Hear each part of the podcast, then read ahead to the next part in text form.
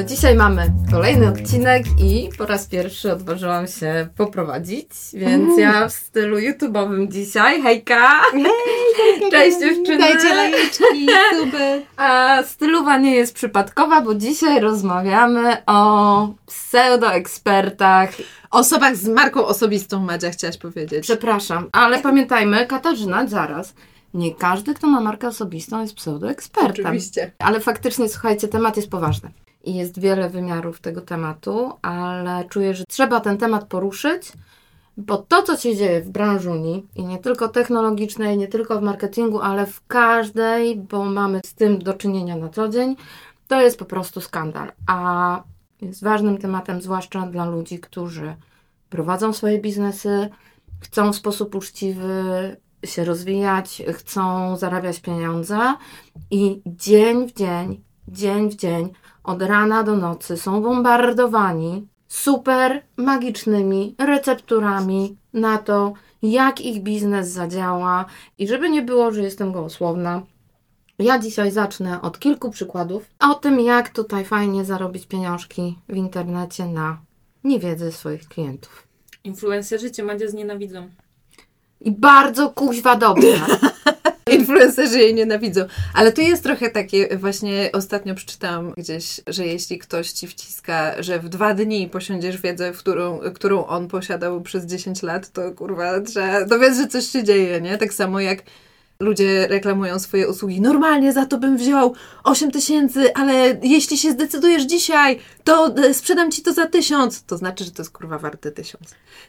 Nie, to znaczy, że to nawet nie jest warte tysiąc. to To znaczy, że to jest gówno warte, bo jeżeli ty posiadasz tajemną wiedzę i jakimś cudem udało ci się rozkręcić super milion biznesów i zarobiłeś na tym miliony dolarów, to ty stary siedzisz na Kajmanach. Mhm. A nie robisz wideoski w sieci o tym, że ty teraz tą magiczną receptę komuś zdradzisz. A może jesteś przedsiębiorczy? Y, Albo masz misję. Albo masz misję. Albo masz misję. Ale ja, Misję ja, to my mamy, dziewczyny. Ja bym, chciała, ja bym chciała jedną rzecz powiedzieć, że od razu się zagłębiam w, Mm, w, w powody problemu.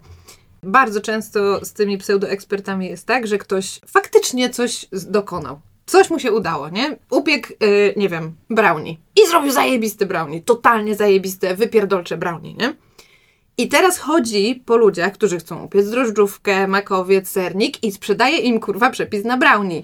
Więc to jakby no nie, no nie, nie, nie. Więc jeśli szukamy współpracy z ekspertem, to przede wszystkim najważniejsze moim zdaniem jest to, żeby mieć wgląd w jego portfolio, z jakim typem e, biznesów pracował, na, na czym ma doświadczenie i tak dalej, i tak dalej, bo on nam nie powie, nie, nie poda przepisu na drożdżówkę, jak robił tylko brownie w życiu. Ale słuchajcie, przede wszystkim nie łapiemy się na złotoustych, tak? Tak, no. Bo dla mnie plagą w tej chwili em, nie tylko LinkedIna, ale ogólnie internetów, YouTube'ów, to są ci ludzie, którzy bardzo głośno, bardzo pięknie potrafią opowiadać, roztaczają przed biznesami wizję nie wiadomo jakiego sukcesu. Bo teraz wejdźmy w prawdziwy przykład życiowy, żeby, żeby też pokazać o czym mowa. Wyobraźmy sobie, nie wiem, właściciela firmy technologicznej, który tak jak ty, Ola, w innym odcinku wspomniałaś, że no, nie każdy founder jest e, menadżerem. No to może być super deweloper, któremu zażarł jego produkt, jego aplikacja.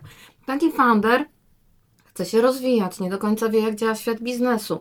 Coś mu zażarło, czyli tak jak mówisz, Kasia, upiekł to zajebiste brownie i chce się teraz dowiedzieć, co jeszcze mógłby zrobić, albo jak to brownie sprzedawać. I taki em, founder no zaczyna szukać. Yy, LinkedIn.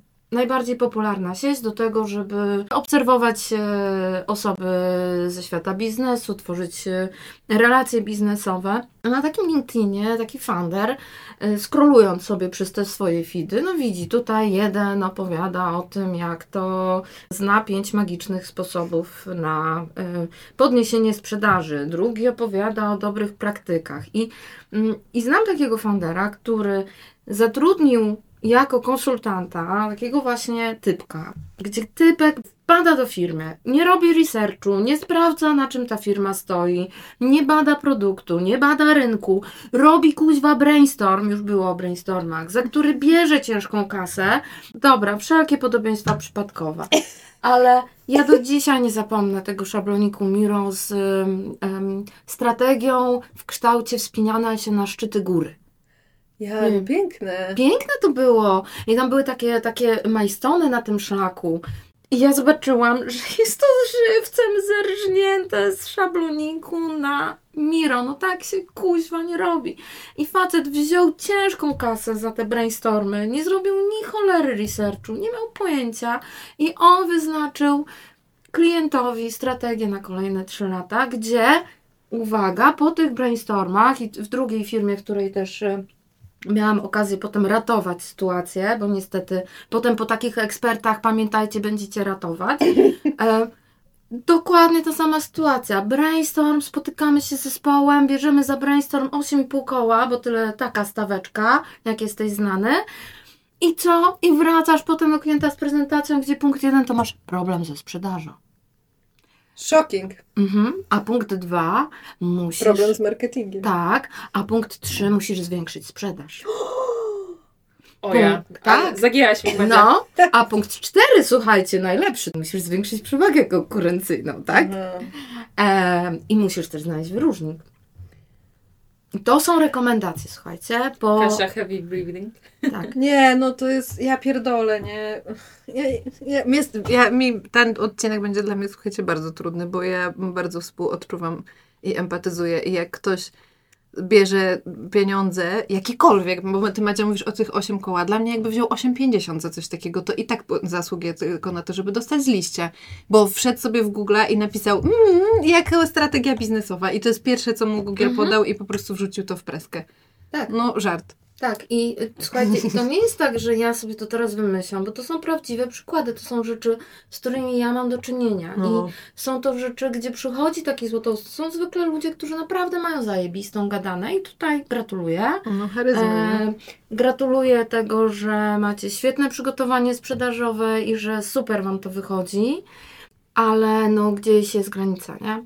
Ale na obronę ekspertów z LinkedIna spotkałam kiedyś eksperta z LinkedIna, który rzeczywiście, no jakby wiedział to, że umie upiec dobre brownie i y, ja z nim jakby rozmawiałam z troszkę innej perspektywy i on powiedział, no sorry, ale wam nie potrafię pomóc. I to, to ma mega sens, nie? Tak, tak. Jak ja jestem ekspertem w danej dziedzinie i udaje mi się stworzyć pozycję influencera, lidera, ludzie chcą mnie słuchać, ludzie chcą mnie czytać, to ja też wiem, kiedy powiedzieć nie. Mhm. Bo nie ma ludzi, którzy są do wszystkiego, nie ma ludzi, którzy są omnipotentami i nie ma ludzi, którzy będą w stanie pomóc każdemu biznesowi. Więc Mhm. tutaj jakby w tym obszarze y, naprawdę uważam, że trzeba to zrobić, ale przykład tych konsultantów, którzy wpadają i nie mają czasu na to, żeby spojrzeć na realną sytuację firmy, no bo przecież tutaj wtedy trzeba się napracować, Mhm. a jak pójdę na brainstorm, to już nie muszę, bo wezmę gotowca z Miro i, i, i łatwe 8 tysięcy złotych.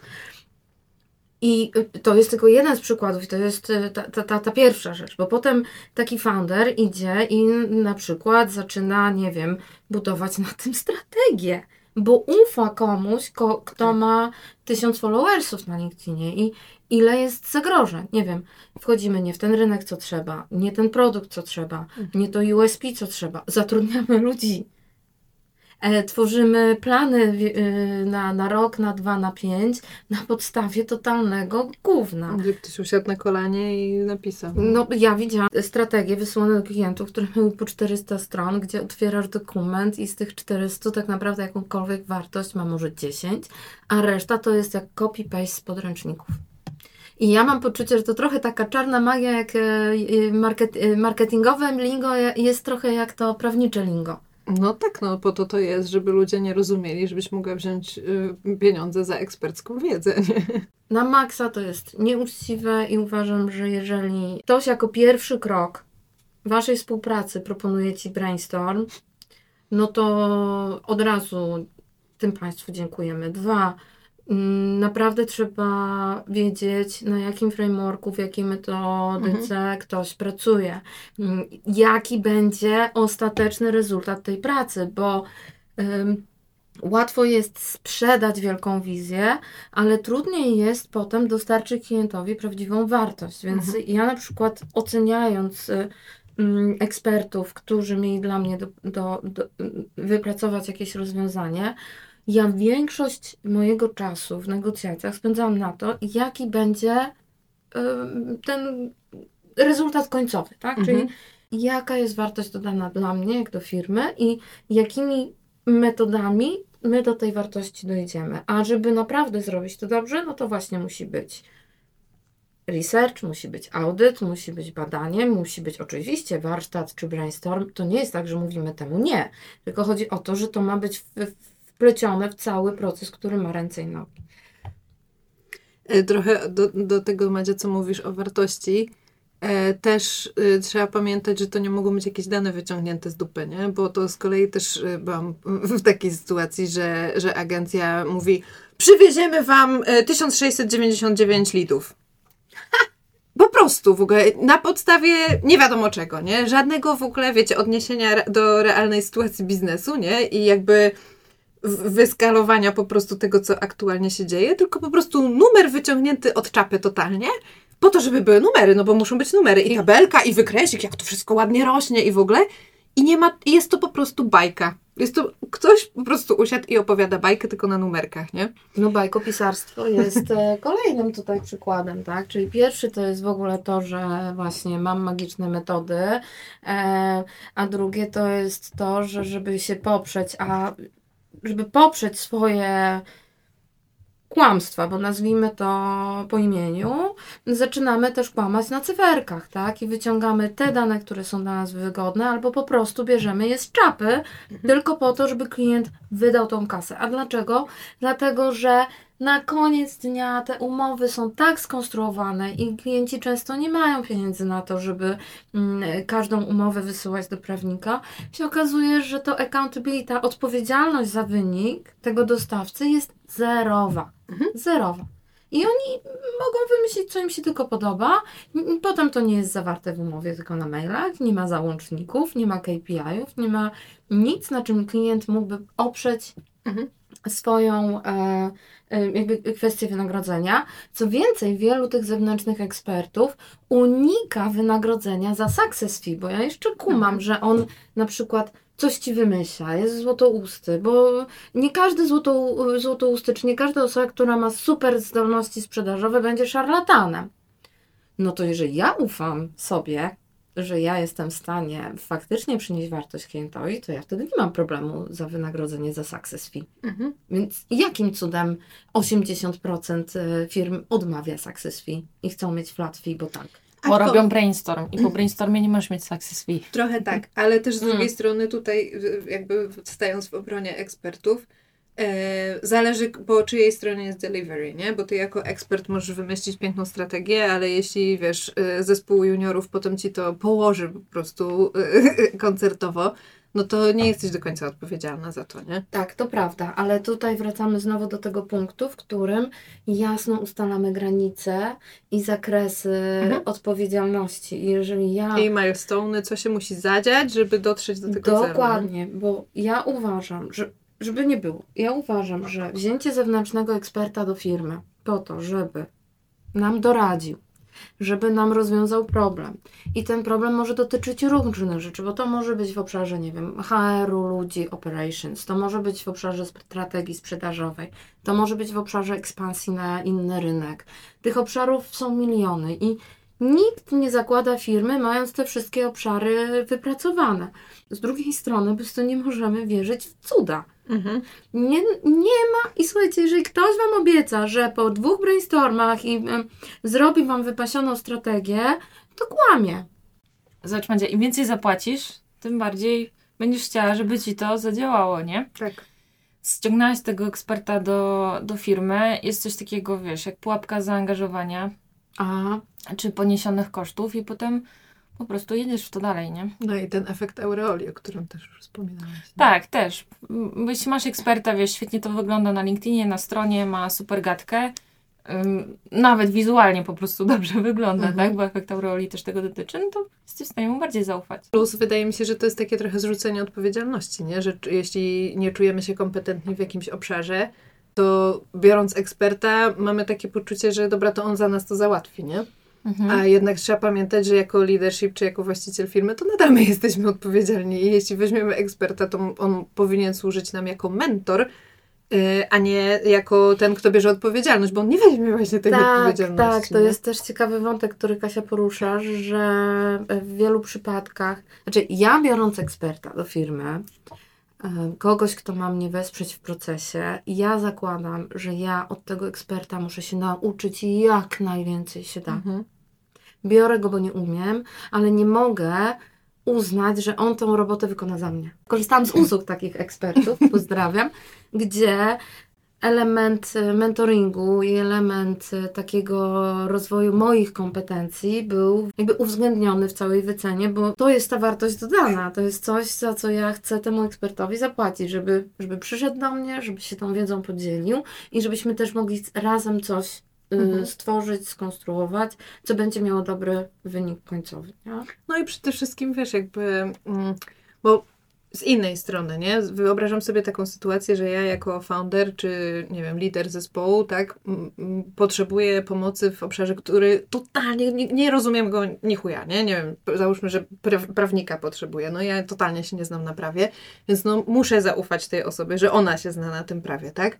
Tylko, że jakby nie mogę zrobić tak, że po prostu zatrudniam tę osobę i daję jej kompletnie wolną rękę, nie? Mhm. Tylko musimy ze sobą rozmawiać i jakby też w jakiś sposób muszę, mimo kompletnego braku kompetencji, muszę jednak sprawdzać, czy ta osoba dowozi, czy nie dowozi. I No, jak to zrobić no teraz tak. pytanie, nie? Tak, no i tutaj mamy kolejne, kolejny punkt, do którego chcę y, nawiązać, bo oczywiście wielu z nas y, nie miało nigdy, nigdy nie będzie miało jako founder dużej kasy, nie wiem, kilkudziesięciu tysięcy złotych na to, żeby ktoś nam pomógł w strategii. Zwykle decydujemy się na nawiązanie współpracy z podwykonawcami, którzy nam, nie wiem, dostarczą stronę internetową, kogoś nam zatrudnią, zrobią nam evencik i nie psujmy branżami, proszę Państwa, bo branża technologiczna to jest branża, która ma rozwijać rynek i ma wziąć odpowiedzialność za to, żeby ten rynek się dobrze, w dobrą stronę rozwijał.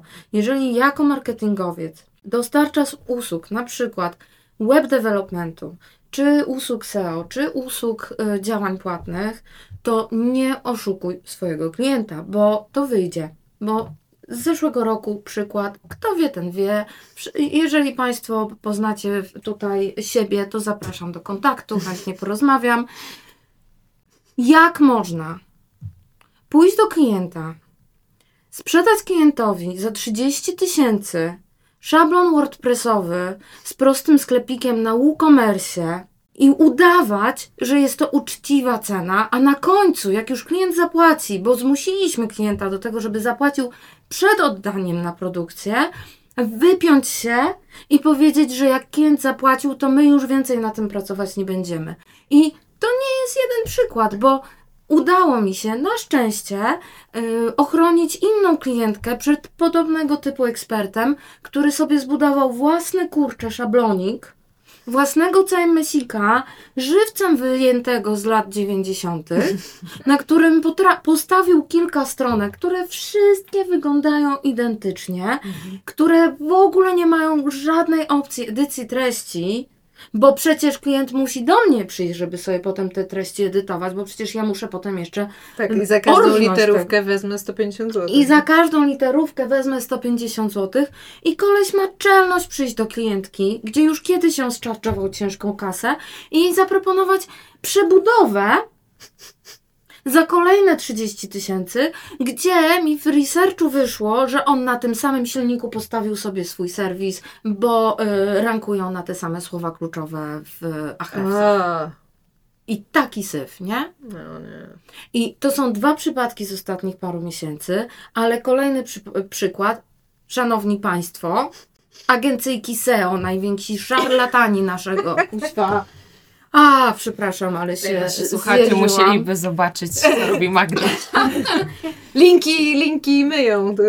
To jest po prostu jak ktoś, y, państwo, y, założyciele firm, menadżerzy, jak przychodzi ktoś do Was i Wam proponuje pakiecik za tylko 7 tysięcy złotych, że on wam SEO wypozycjonuje stronę, to proszę uciekać, gdzie pieprz rośnie. 7 tysięcy miesięcznie. Oczywiście, że i to jest taki pakiet optymalny. I co za to się dostaje? Uwaga, bo ja teraz opiszę jakość tego. E, po pierwsze, e, to oczywiście w tym pakiecie jest odpowiedź na community, czyli aktywność na forach.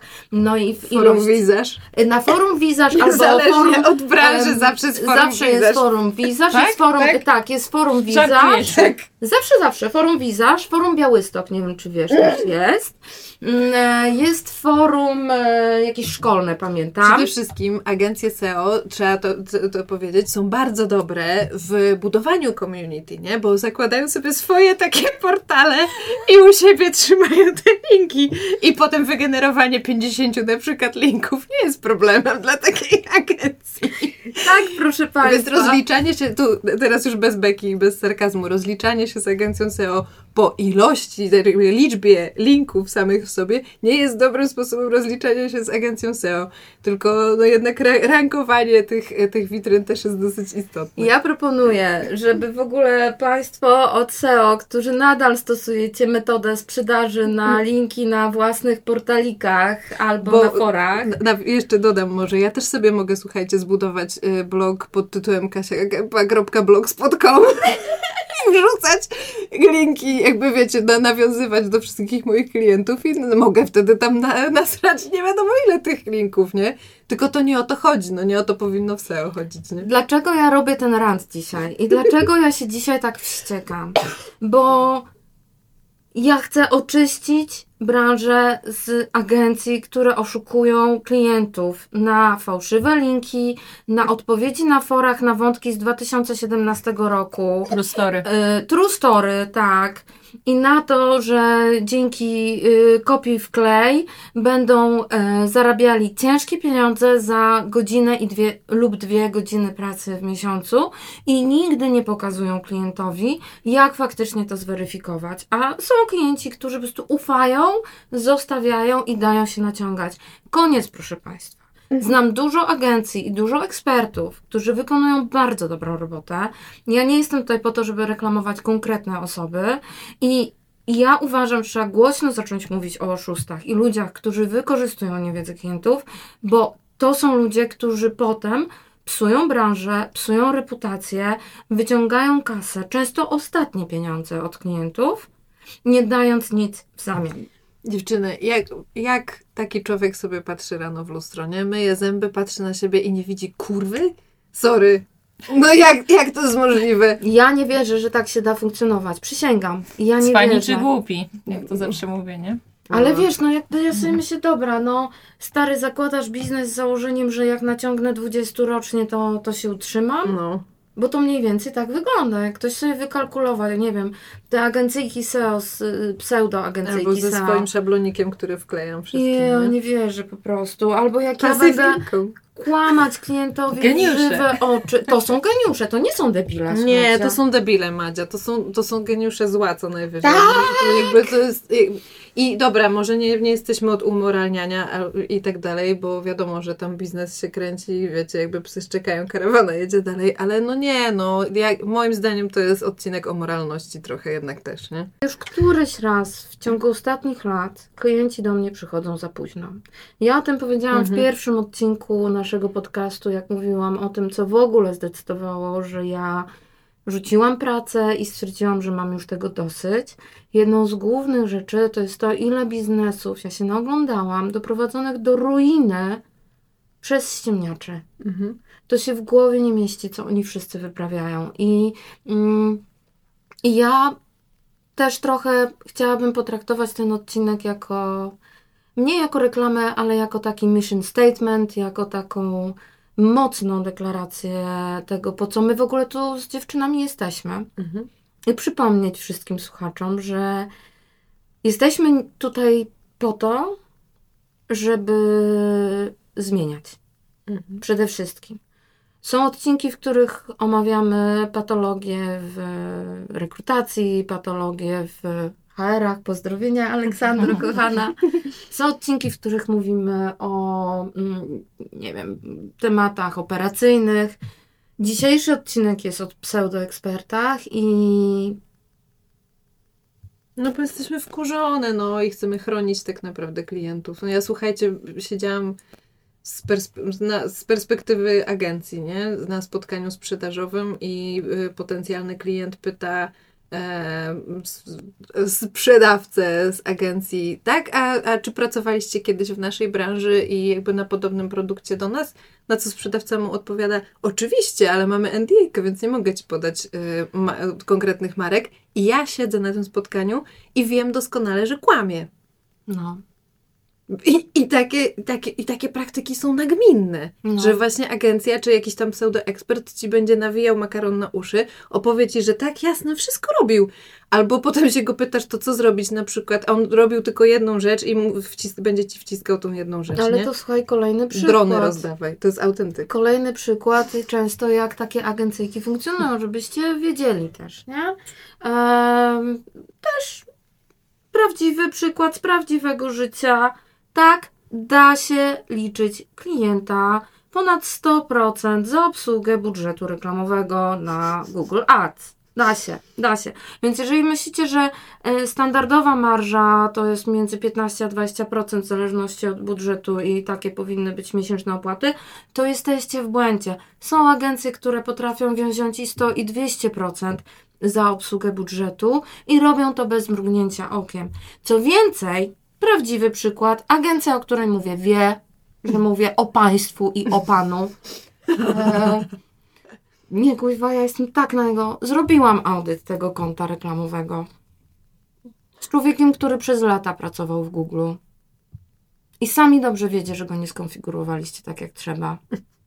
I zapomnieliście ustawić y, audiensy tak jak trzeba. I zapomnieliście optymalizować miesiąc po miesiącu, biorąc po kilkanaście tysięcy złotych miesięcznie.